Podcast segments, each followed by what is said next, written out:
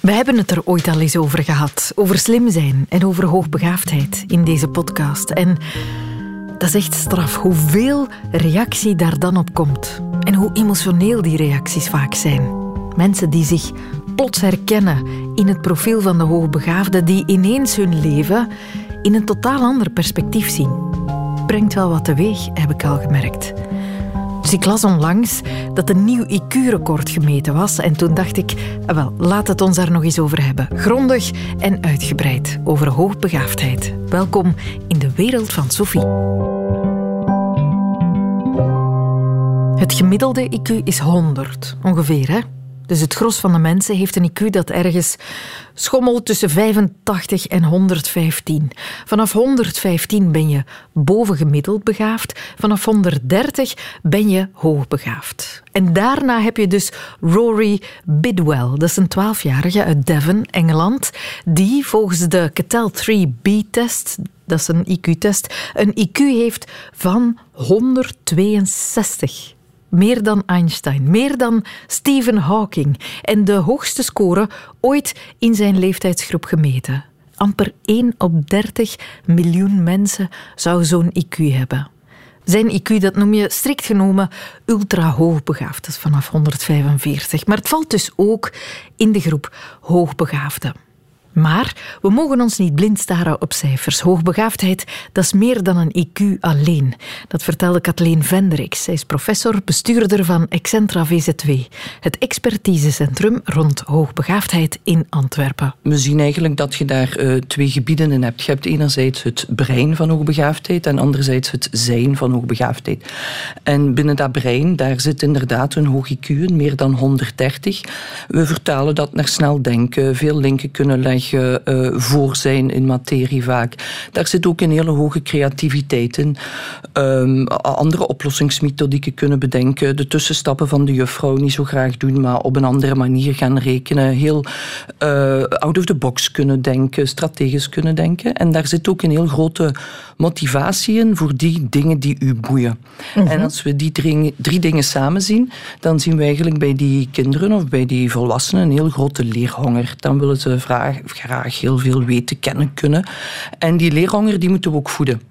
Als we dingen gaan aanbieden die ze graag doen en die ook moeilijk genoeg zijn, dan zien we ze gaan. Maar op het ogenblik dat we die leerhonger op een dieet zetten, dan zien we ook verveling, dan zien we demotivatie, dan gaan ze niet meer graag naar school, dan zien we ook frustratie. En dat is wat we noemen het brein. Maar langs de andere kant heb je ook het zijn van hoogbegaafdheid. En daarin zien we een heel sterk uitgesproken rechtvaardigheidsgevoel bezig met wat eerlijk is, wat niet eerlijk is.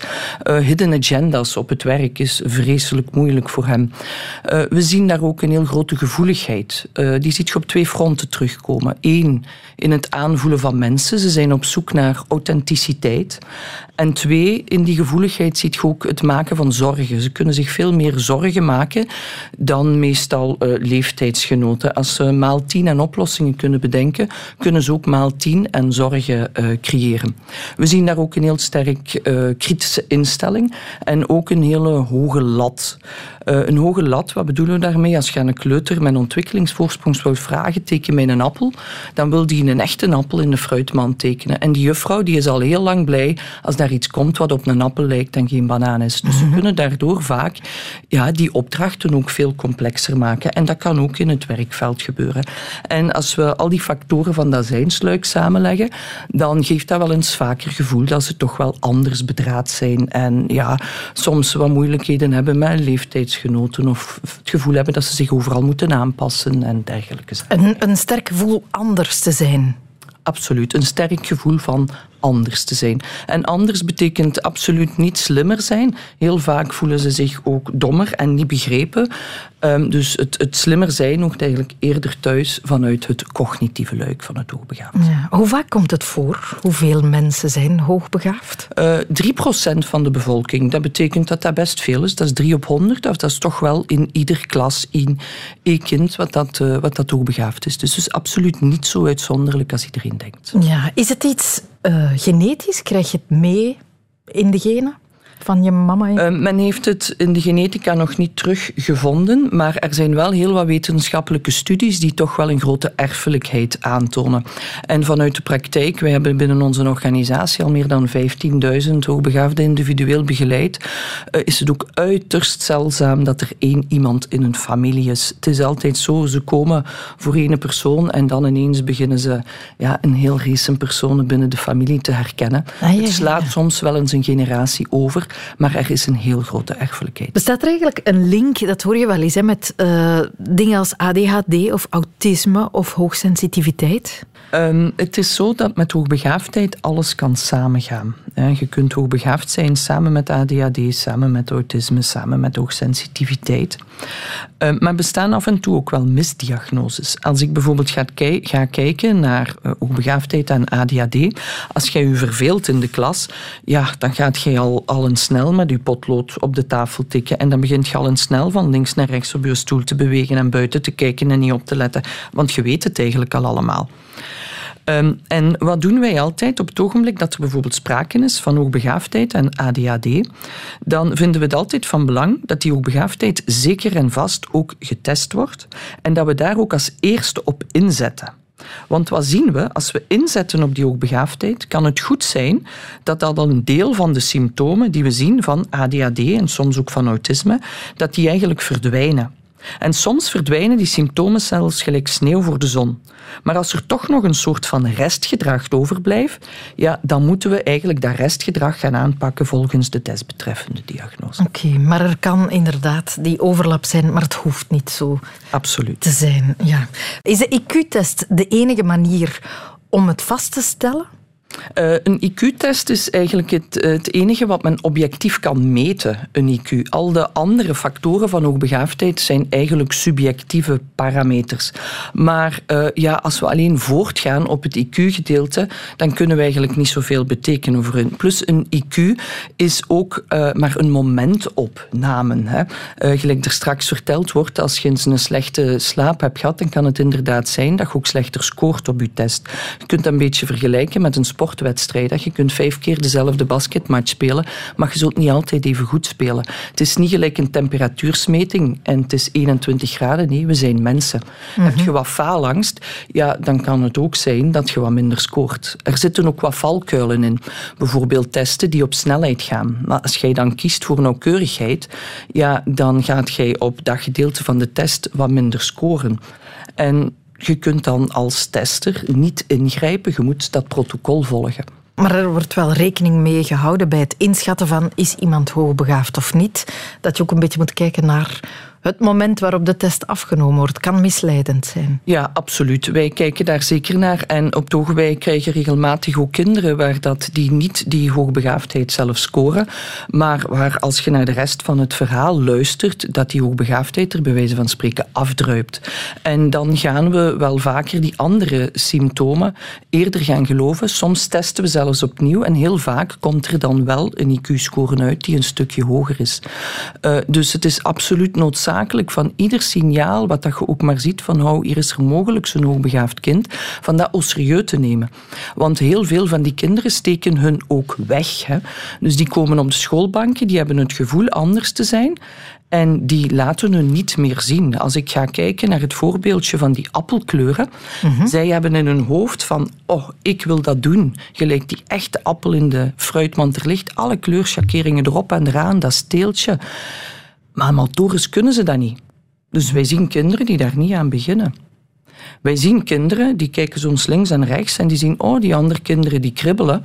En die juffrouw die wordt ook nog blij met die kribbelkrabbel. En die doen ook kribbelkrabbel. Dat zijn de kinderen waar dat we die hoogbegaafdheid eigenlijk niet gaan zien. We gaan die dan eens een keer zien als die kinderen nu allemaal vragen beginnen te stellen van waarom noemen ze een lepel nu een lepel? Waarom noemen ze dat geen vork? Als jij uit oma komt, mama, en papa komt uit bomma, waar komt dan die eerste mens vandaan? Dan krijg je zo van die vragen te horen van, wow, dat is nu toch niet voor een kind van drie jaar. En ja, sommige kinderen laten dat maar eens heel eventjes zien. En dan moeten we gaan kijken van, oké, dat zijn wel signalen die naar die hoogbegaafdheid kunnen leiden. En dan moeten we misschien toch eens verder gaan kijken. En dat is belangrijk, dat het snel goed opgemerkt wordt. Het is heel belangrijk van het heel tijdig te detecteren. Ik vergelijk het altijd, als er een babytje geboren wordt, dan beginnen we toch ook altijd onmiddellijk met de juiste voeding te geven. We gaan niet wachten tot het kind ziek wordt vooraleer we de juiste voeding geven. Bij hoogbegaafdheid is dat juist hetzelfde. Als we weten dat er sprake is van hoogbegaafdheid, dan moeten die kinderen zowel in een schoolse context als thuis, als op het werkveld, op de juiste manieren uitgedaagd worden en moeten vooral ouders ook echt weten hoe dat ze daarmee moeten omgaan.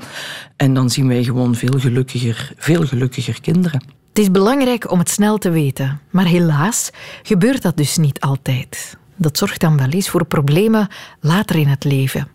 Milo bijvoorbeeld kreeg pas vijf jaar geleden te horen, toen hij 25 was, dat hij hoogbegaafd was. En plots vielen de puzzelstukjes op hun plaats. Want tot dan was zijn leven ja, toch wel een beetje een worsteling. Hij belandde er ook door in een burn-out. Gelukkig vindt hij nu, dankzij therapie, langzaamaan de goede manieren om om te gaan met zijn hoogbegaafdheid. Anne Roodveld zocht hem op. Ik hoorde een tijd geleden in een lezing van Tessa Kiebom, geloof ik, expert hoogbegaafdheid. Een voorbeeld van kinderen in de kleuterklas. Eén kindje was hoogbegaafd, volgde zij. En kende al een ruime tijd de kleuren. Ik wist die goed uit elkaar. Op een moment loopt er een ander kind met een rood potlood naar de, naar de juffrouw en vraagt de juffrouw, is dit blauw? Uh, de juffrouw zegt, ah nee, uh, dit is rood. Oké, en het volgende kind uh, staat op, pakken, heeft een ander potlood vast. Juffrouw, is dit groen met een blauw potlood? nee. En het kind al lang de kleuren kent, staat op dat moment op, pakt een oranje potlood, gaat naar de juffrouw en vraagt: Juffrouw, is dit rood? Dus dat conformisme of het aanpassingsgedrag uh, zit er al heel jong, heel sterk in.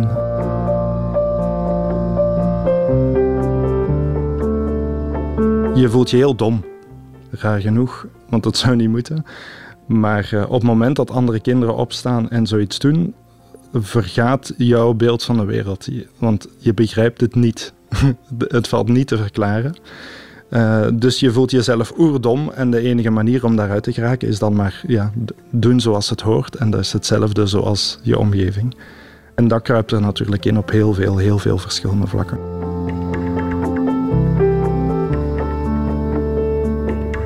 Eigenlijk van jongs af aan al merkte ik dat ik vaak meer aansluiting vond, emotioneel dan bij de ouders van vriendjes als ik er ging spelen. En ook op school evenzeer uh, merkte ik dat de interesses van mijn leeftijdsgenoten vaak ja, heel anders lagen voor mij, vaak onbegrijpelijk. Ik had misschien het nadeel dat ik niet, uh, niet boekslim was of niet hoogbegaafd zoals de meeste mensen, denk ik, uh, denken dat het zich voordoet. Heel uh, behendig met verschillende talen en heel veel weetjes uh, kunnen onthouden. Heel goed met ja, weetjes leren, aardrijkskunde, taal. En dat is ook wel een beetje het cliché, denk ik, van, van de hoogbegaafde, is, is het, het hoogintelligente stuk ervan. Terwijl dat hoogbegaafdheid net een combinatie is van intelligentie met creativiteit. Dus zeker het creatief luik uh, mag niet ontbreken. En wat dat vaak ook als een groot kenmerk wordt uh, voorgehaald, is een, een, zeer groot of een overontwikkeld uh, rechtvaardigheidsgevoel.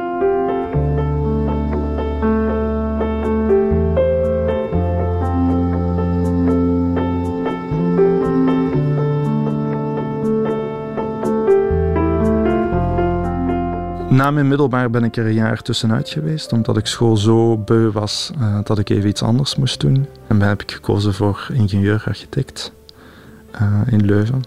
Vijf jaar uh, zou dat mogen duren. ik heb er wel wat langer over gedaan, mede omwille van, ja, wederom toch wel weer moeilijkheden die, die ik ervaarde, ook met het schoolsysteem, die voor mij, naar mijn aanvoelen, heel onrechtvaardig aanvoelde vaak. Uh, ik zag goed dat uh, medestudenten konden studeren voor een examen uh, om door het examen te geraken, maar niet studeerden om de leerstof te begrijpen. En daar lag vaak in mijn perfectionisme ook weer de valkuil dat ik heel erg studeerde om de leerstof te begrijpen. Bijna vertikte om te leren voor het examen, als zijnde om er door te geraken voor het examen. Ik ben heel vaak niet geweest uh, uit faalangst, omdat ik vond dat ik de leerstof niet 100% begreep. En de examens waar dat ik wel naartoe ging, daar, uh, daar vond ik altijd dat ik het gevoel moest hebben dat ik uh, op een vriendschappelijke manier met de prof kon babbelen over het thema. Af en toe is dat gelukt. Ik haalde eigenlijk bovengemiddelde punten. Maar regelmatig ben ik niet komen opdagen omwille van faalangst.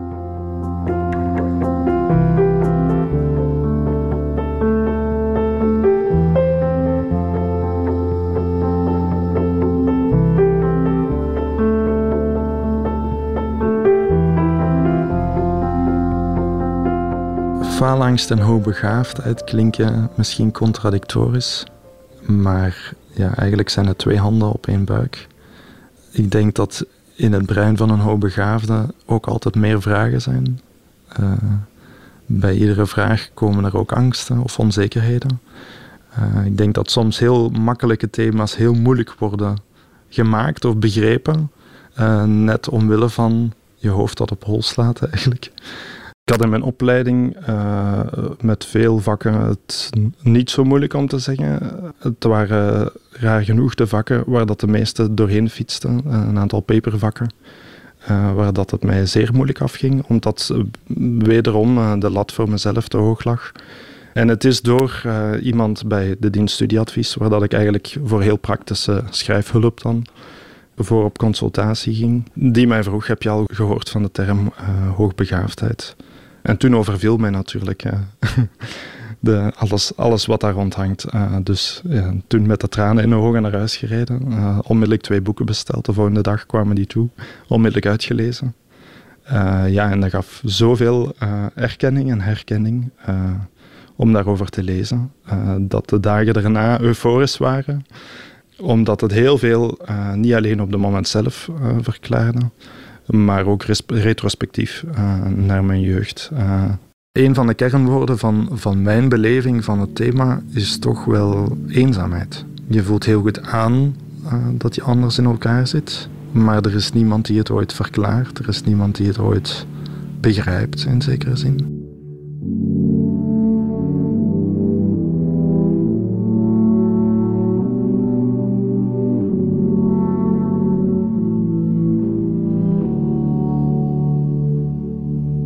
Toen ik startte aan mijn eerste job, vrij kort na mijn afstuderen, uh, was dat mid-corona.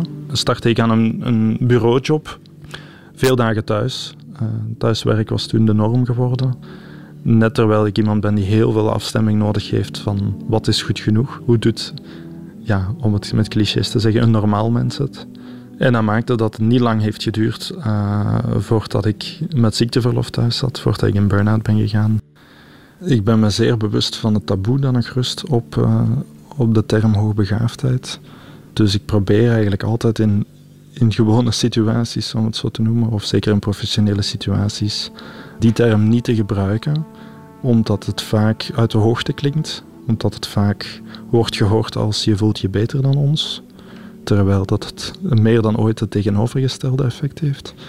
Maar die ene keer uh, dat ik het dan toch probeerde met mijn voor, voormalige baas, uh, dat ik met de juiste aankondiging of de nodige omkadering aangaf, dit is een kwetsbaar thema, maar ik heb de diagnose hoogbegaafdheid en ik legde kort uit uh, wat daarmee gelinkt is, kreeg ik te horen, ja, als dat hoogbegaafdheid is, dan ben ik ook hoogbegaafd. Ja, dat was zo'n ongevoelig antwoord dat heeft zeker niet bijgedragen aan, uh, aan de goede werksfeer. En het heeft ook niet lang geduurd nadien dat ik, uh, dat ik thuis zat.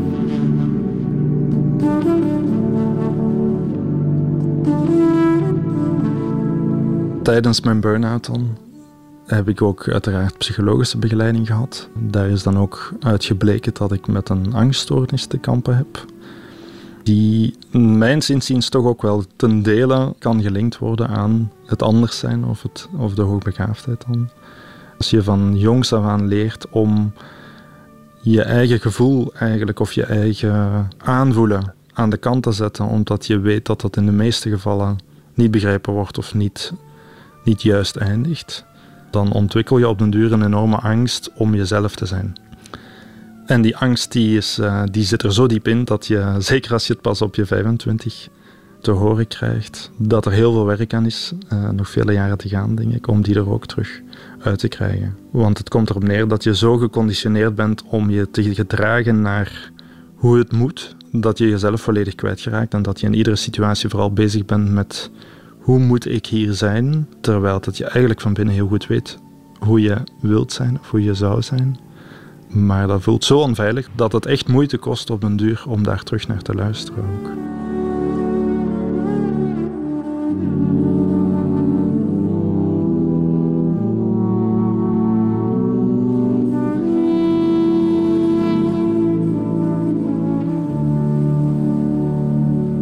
Hoewel dat een groot deel van de angst en onzekerheid altijd wel nog blijft sluimeren, durf ik de term toch al meer in de mond te nemen.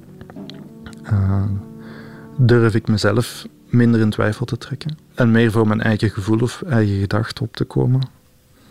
En leer ik vooral ook de grote voordelen ervan inzien. Dat op sommige vlakken ja, je meer kan bereiken. Dat je creativiteit soms onuitputtelijk is. En dat nieuwe dingen leren soms gaat als kinderspel. Wat het dan ook wel moeilijk maakt om eh, vol te houden als het toch tegensteekt. Of als het toch niet zo vlot gaat van de eerste keer. Uh, maar er zijn ongelooflijk veel voordelen aan. Het is maar een kwestie van die te erkennen en te ontdekken.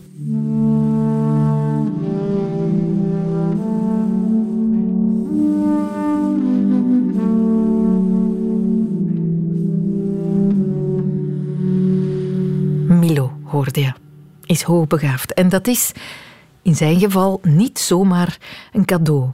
Spijtig genoeg zijn dit soort verhalen voor Kathleen Vendrix bij Excentra dagelijkse kost. Wat mij er vooral ook in opvalt, zijn de twee kanten. Um, hij geeft eigenlijk uh, perfect aan. Hoogbegaafdheid eigenlijk is een ongelooflijk talent. Hè. Hoogbegaafdheid is helemaal geen aandoening. Hoogbegaafdheid heeft fantastische eigenschappen. Heel snel kunnen denken voor zijn materie. Dat, dat zijn ongelooflijke knappe eigenschappen. Ehm, maar wat zien we nu? Uh, we zien natuurlijk dat alle knappe eigenschappen en een talent, ja, dat kan ook af en toe geblesseerd geraken. Net gelijk een voetballer ook geblesseerd kan geraken. Is dat bij hoogbegaafdheid ook? Je krijgt eigenlijk een ongelooflijke motor onder je gat. Maar als je met een Ferrari begint te rijden, dan moet je ook leren om die auto te besturen. Mhm. En dat is met hoogbegaafdheid eigenlijk net hetzelfde. En we zien hier dat het ja, van enerzijds heel, van, heel fel van groot belang is om te kunnen leren hoe moet ik nu potentieel dat ik in mij heb ook naar boven kunnen krijgen. Dat hoort u in het verhaal van Milo heel fel terugkomen. Hij zegt, kijk, het is ongelooflijk knap als ik heel snel dingen kan leren. Maar natuurlijk, dan moet ik ook doorzetten tot er eigenlijk heel goed in te worden. En daar zien we dat dat facet bij die kinderen niet altijd zo makkelijk is. Omdat ze vaak van kleins af aan gewoon zijn, alles waar dat ze aan beginnen, dat lukt gelijk niks. En dan wordt het ineens, lager onderwijs, punten zijn fantastisch, dan komen ze in het middelbaar onderwijs, woordjes Latijn komen eraan en plots lukt dat niet meer. Ouders weten al hun heel leven van, goh ja, je hebt niks gedaan voor school, daar ontstaan wat discussies. Maar die kinderen, ja, die zitten eigenlijk in een heel grote onzekerheid. Die denken op dat moment, ja, maar niks gedaan. Eigenlijk heb ik toch tien minuten geleerd. Voor hun is van niet studeren naar tien minuten ongelooflijk veel. En natuurlijk door de reacties van die ouders stimuleren we vaak die onzekerheid. Daar we ze net moeten leren op dat moment dat iets bereiken, dat dat tijd kost. Dat als je tijd niet steekt en je wordt daar beter in, dat je dan ook minder fouten gaat maken. Moeten ze leren dan hoe dat ze moeten studeren. En bij hun komt dat op een heel ander tijdstip dan bij andere kinderen. En die inzicht te krijgen is eigenlijk voor ouders van extreem groot belang om zo te leren hoe dat deze kinderen hun potentieel kunnen benutten en daar ook gelukkig mee kunnen er is inderdaad wel wat uh, onbegrip als je zijn verhaal hoort. Hij noemt zichzelf ook niet boekslim. Dat blijkt een soort verwachting te zijn bij hoogbegaafde mensen, dat ze een onvoorstelbare encyclopedische kennis hebben van van alles. Ja, men heeft uh, bij hoogbegaafdheid altijd het beeld van uh, ja, het niet-sociale kind wat met een boekje in een hoekje zit. Hè. En wij hebben ook kinderen hè, die ongelooflijk veel lezen, die op zevenjarige leeftijd al alle boeken van Harry Potter uit hebben. Maar er zijn ook kinderen die totaal geen boek aanraken en die heel hard bezig zijn met het heel creatieve. We hebben ook kinderen die ongelooflijk sociaal zijn, die de gangmaker zijn op ieder feestje, die dat talent inzetten om iedereen aan te voelen wat dat ze moeten zeggen. Dus die hoogbegaafdheid ziet je op heel veel verschillende fronten terugkomen. Ehm, en dat is net het knappe daaraan. Maar inderdaad, wat ik ook heel knap vind in het verhaal wat hij vertelt, is de eenzaamheid. Ja, dat hè? is toch wel iets wat dat wij bij zo goed als alle hoogbegaafden horen terugkomen. Ehm, die eenzaamheid, eh, niet mensen kunnen vinden om op dezelfde golflengte te kunnen praten, vriendschappen heel moeilijk kunnen vinden om ja, in de diepgang te kunnen gaan en dergelijke zaken meer. Dat is toch wel een issue waar dat ze allemaal mee worstelen. Ja, ja. Ehm, een zin die me ook opviel is uh, dat Milo zich afvraagt hoe moet ik hier zijn? Uh, alsof de hoogbegaafde een soort vreemde voor zichzelf is die eerst de situatie moet begrijpen om te weten hoe hij of zij zich kan gedragen. Is dat ook kenmerkend? Dat is heel kenmerkend. Um, op het ogenblik dat je totaal niet weet dat er verschillen zijn, bij wijze van spreken, in IQ. Iedereen neemt zichzelf als norm. Dus iedereen denkt, oh, ik ben gewoon gelijk de gemiddelde mens. Hm? Mm -hmm. En ja, dan beseft je ineens van, oh, ik denk precies toch heel anders als al die andere mensen. En je wilt je natuurlijk gewoon bij de groep horen. Dus ja, je past u daaraan aan. Op het ogenblik dat je eigenlijk weet van, oké, okay, er zijn nu eenmaal verschillen, ja, dan begint dat anders te zijn. Want dan gaat je perfect gaan voelen, oh, bij die mensen hier, ja, dat zijn eigenlijk best leuk, toffe mensen, maar dan moeten we het misschien hebben over de volgende vakantie, waar dat we naartoe gaan. En langs de andere kant voelt je van, oh, die en die kameraden, ja, daar kan ik echt wel op dezelfde golflengte mee doorgaan en daar kunnen we het hebben over artificiële intelligentie of wat filosofische gesprekken. Maar als je natuurlijk een filosofisch gesprek van iedereen verwacht, dan gaat je heel vaak ontgoocheld zijn. Mm -hmm. En dat is bijvoorbeeld een van de redenen waarom het van belang is om dat van op heel jonge leeftijd toch allemaal wel te weten en ze daar ook mee leren omgaan. Ontwikkelingsgelijke is een heel belangrijk facet voor hoogbegaafden. Dat ze gelijkgestemden vinden om ergens die eenzaamheid op te heffen. Absoluut, ja.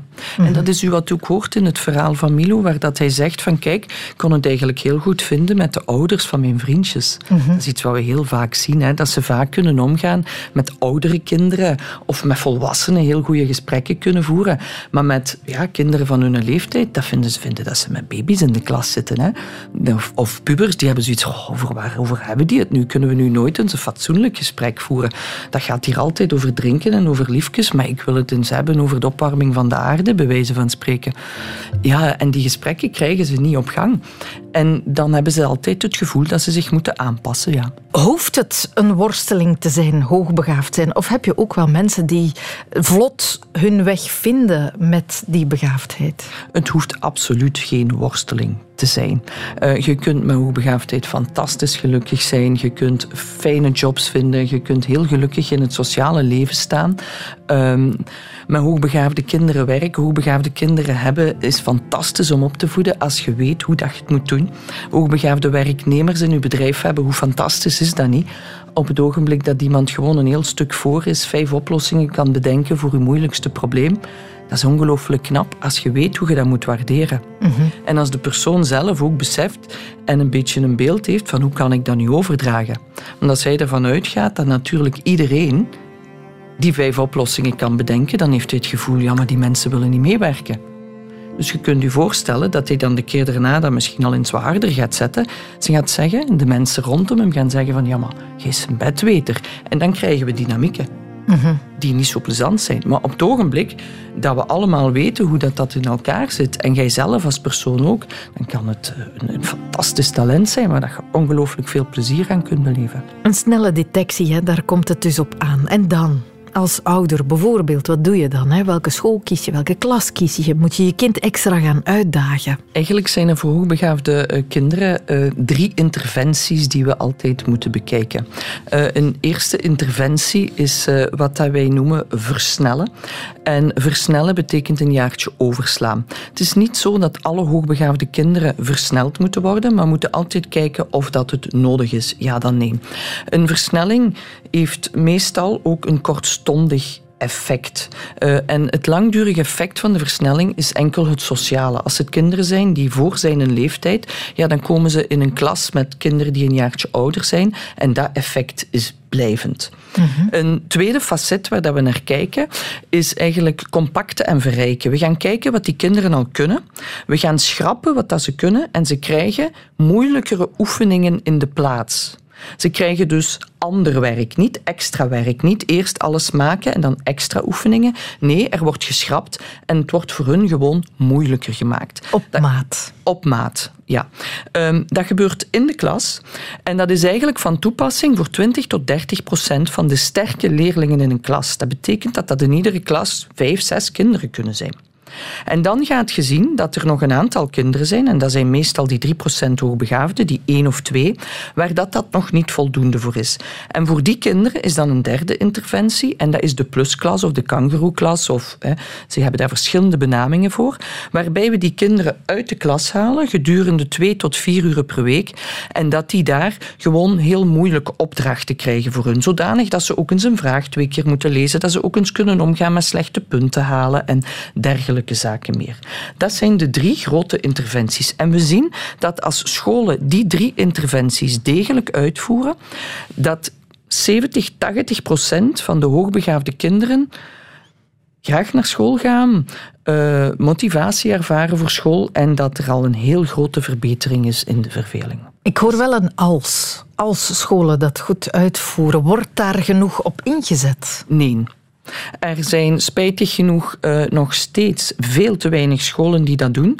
En er zijn ook nog altijd scholen die het niet op de juiste manier doen. Als je in de plaats van ander werk extra werk geeft, ja, dan krijg je natuurlijk niet dezelfde effecten. We zijn eens ons licht gaan opsteken in een school waar ze bijzondere aandacht besteden aan de hoogbegaafde leerlingen. Het Kraainest is een klasje in basisschool De Kleine Icarus in Gent, waar cognitief sterke leerlingen uitdagende opdrachten krijgen en tegelijk geholpen worden met hun emotieregulatie, hun timing, hun concentratie en met samenwerken. We volgden een lesje mee met het tweede leerjaar en spraken met zorgjuf Sharon Blanchard en met een aantal leerlingen van het vierde, vijfde en zesde leerjaar. Mijn brein is heel erg groot. Heel erg groot.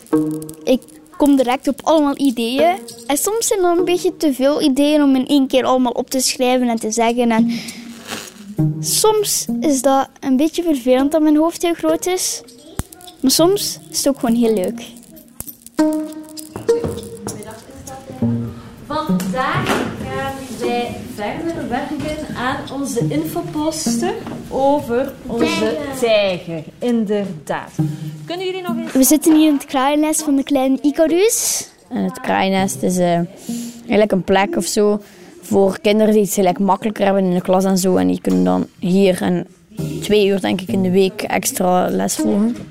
Wie weet het nog van vorige week? Wie weet nog de redenen waarom dat de tijger een bedreigde diersoort is? Wat gebeurt er daarmee? Het territorium wordt verstoord. Het territorium wordt verstoord, inderdaad. Het territorium, wat was dat nu ook alweer? Het leefgebied. Het leefgebied, heel goed. De kinderen die bij in het kraainest komen, dat zijn dus die cognitief sterke leerlingen die niet voldoende hebben aan de uitdaging die ze hebben in de klas.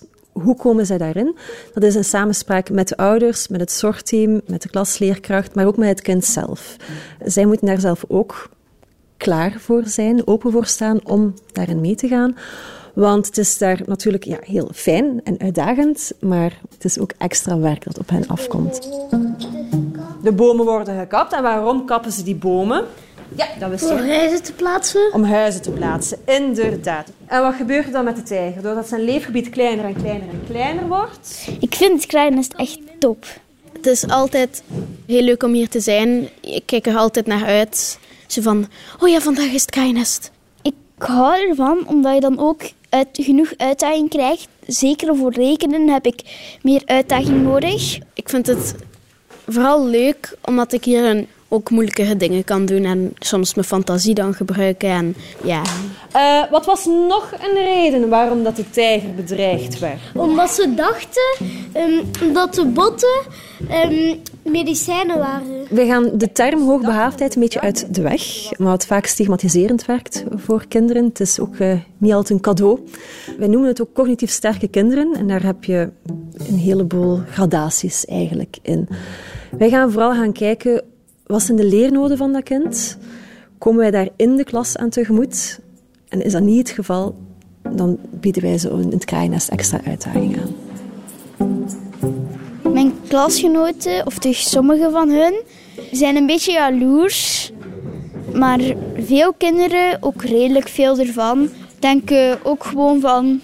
Oké, het is ook leuk in de klas. Ik krijg hier genoeg uitdaging, dus maakt het uit. Cognitief sterk is voor ons gewoon, je leert heel snel dingen. Dus moeten wij er echt wel voor zorgen dat jij leert bij ons. Op mijn vorige school had ik, um, ja, was er niet zo kraaiennest. En ik vond dat niet leuk. Ik verveelde me, ik wou ook niet naar school en zo. Maar toen dat ik naar een andere school ging, en dat was deze, een kraaiennest, was ik heel blij dat dat was. Dat is dan ook wel vaak iets dat die cognitief sterke kinderen op, op, botsen op school. Alles gaat vanzelf. Waarom kom ik nog naar school? Het is rap saai, ze worden schoolmoe. En met het kraaiennest aan te bieden, proberen we daaraan tegemoet te komen. Door hen voldoende te blijven uitdagen, hopen wij dat ze de goesting blijven hebben om te leren. In de klas krijg je niet veel uitdaging. Dan heb ik ook niet zoveel zin gelijk om naar school te komen. Ja, als ik het te makkelijk vind of zo, dan verveel ik mij. En dan ben ik ook soms minder mijn best te doen en zo. En dan ben ik rond te lopen en zo. En ja. Ik kan al sowieso niet makkelijk stilzitten. En dan is dat nog moeilijker. Ik, ik loop dan eigenlijk gewoon vooral vooruit. En dan, dan is het zo wat stom. En dan, als ik dan sneller klaar ben, dan moet ik heel tijd wachten en wachten. En dan vind ik dat vervelend. En dan begin ik te bewegen, begin ik te tikken. Wachten en wachten en wachten en wachten. Dan begin ik mij ook te vervelen en te prutsen met dingen en zo. Ik ben dan ook minder goed op te laten ja, die leermoeheid, dat is wel een reëel iets. Het wordt rap saai, het is te gemakkelijk en dan haken ze af. Ja, hun punten kelderen, bijvoorbeeld. Dat is nu iets heel concreets. Niet dat punten zo heel erg belangrijk zijn bij ons hier op school, maar je merkt gewoon dat het lijkt alsof dat ze de leerstof niet beheersen. Ook vaak eh, naar motivatie toe, totaal niet meer gemotiveerd. Uh, ook naar gedrag kan het dan uh, enorm zich gaan uiten. Die verveling die toeslaat en je gaat lang naar school. Wij hopen dat we hier echt wel de basis kunnen leggen van leren kan plezant zijn. We moeten gewoon zoeken naar wat en hoe. En dat proberen wij te doen in het kraaiennest. Er was nog iets. Waarom jagen ze nog op de tijger? Voor de lol. Voor de lol, omdat het zo'n beetje prestige was. Ze vonden dat wel heel erg chic. Als je zo'n tijger had gedood, ja, dat was echt wel... Dat was je een hele stoere man of vrouw. Hè? Voor een huid. Want wat was... Ja, vacht van een tijger? Hoe is Mijn hoofd werkt sneller, denkt sneller, maar ook mijn handen en zo werken sneller. Het gaat gewoon, bij mij gaat alles veel sneller. Uh, het is wel leuk, maar soms ook niet leuk om dat te hebben. Omdat soms ga je meer nadenken over dingen. Maar soms is dat juist leuk. Het is leuk als je dan ideeën nodig hebt. Dan kan je de beste ideeën eruit pakken en dan zeggen tegen de juf of tegen je vriendjes waarmee dat je speelt ook in het kraaiennest is het handig als je een groot hoofd hebt. Want dan kan je ook dingen meer onthouden. En als je dat dan een keer onthoudt en je wilt, dat, en jij wilt bijvoorbeeld een beetje zeggen aan je ouders of aan je zus of zo, dan kan je dat dan ook direct zeggen. En dan moet je niet in je brein, in je hoekje gaan zoeken van. Want dan zijn ideeën nog steeds groot, want je hebt veel plaats. Ik heb zo ook een snelbrein dat snel werkt, maar soms werk ik dan te snel, waardoor ik aandachtsfoutjes maak. Bij een oefening, soms is het een redelijk gemakkelijke oefening, denk ik soms te hard na over iets. Dan ga ik het fout hebben, omdat ik te ver nadenk over hoe het, wat het zou kunnen zijn. Wat wij bijvoorbeeld merken als zorgjuf, zie ik dat kinderen die, die, die uh, niet cognitief sterk zijn, die het gewoon goed doen bij ons op school, vaak een beetje jaloers zijn op de kinderen die cognitief sterker zijn en zoiets hebben van ja, maar ze hebben het allemaal veel gemakkelijker voor rekenen, dat gaat allemaal vanzelf. Terwijl die kinderen het eigenlijk net niet zoveel gemakkelijker hebben. Zij bestoten op andere uitdagingen.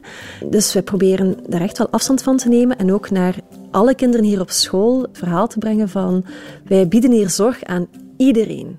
Dus ook als je naar het kraaiennest komt, dat wil dat zeggen dat je in de klas iets mist. Dus dan bieden wij dat aan in het kraaiennest.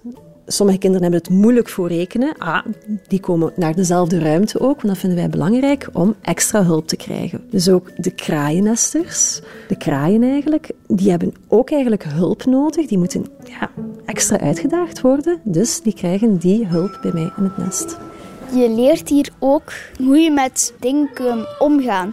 Want bijvoorbeeld iemand, tegen, iemand roept tegen je, dan moet je niet terugroepen en heel boos worden, maar rustig praten. En ik merk ook van je, hebt, je krijgt meer geduld. Dat helpt mij ook. Vroeger was ik ook altijd zo, als ik een spelletje met mijn vrienden speelde en ik verloor, dan was ik boos en zo en ik vond dat niet leuk. Vroeger had ik heel veel woede-uitbarstingen, maar nu begint het telkens minder en minder te zijn. En, als, ik voel ook als ik een woede-uitbarsting krijg. Dan ga ik bijvoorbeeld naar mijn kamer of ga ik lezen of gewoon even weg.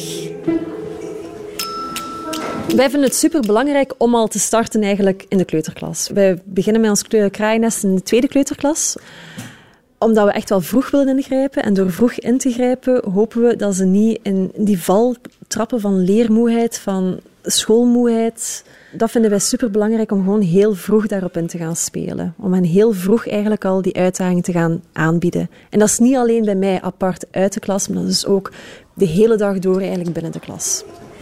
Wat ga je dus ook niet mogen doen? Je gaat dus ook geen... Huizen mogen bouwen. Huizen mogen bouwen, heel en ook geen belangrijk. bomen kappen. Geen bomen En ook geen hotels bouwen. Zeker geen hotels bouwen. Dat is inderdaad, want waar leeft de tijger wel? Als er geen kraaiennesten zijn, zou ik me echt super hard vervelen in de klas. Want meestal, ik ben gelijk de snelste werker van heel mijn klas en dan doe ik echt gewoon niks. En het is eigenlijk gewoon een rondje te lopen of zo. Zit ik af te voetballen in de klas maakt me echt gewoon vervelen. Als er hier geen kraaiennest zou zijn, ik zou alweer veranderd zijn van school. En zonder kraaiennest zou ik gewoon heel veel stress hebben. Gewoon te veel dat er in de klas gebeurt en alles. En als ik in het kraaiennest zit, is dat soms een beetje allemaal weg.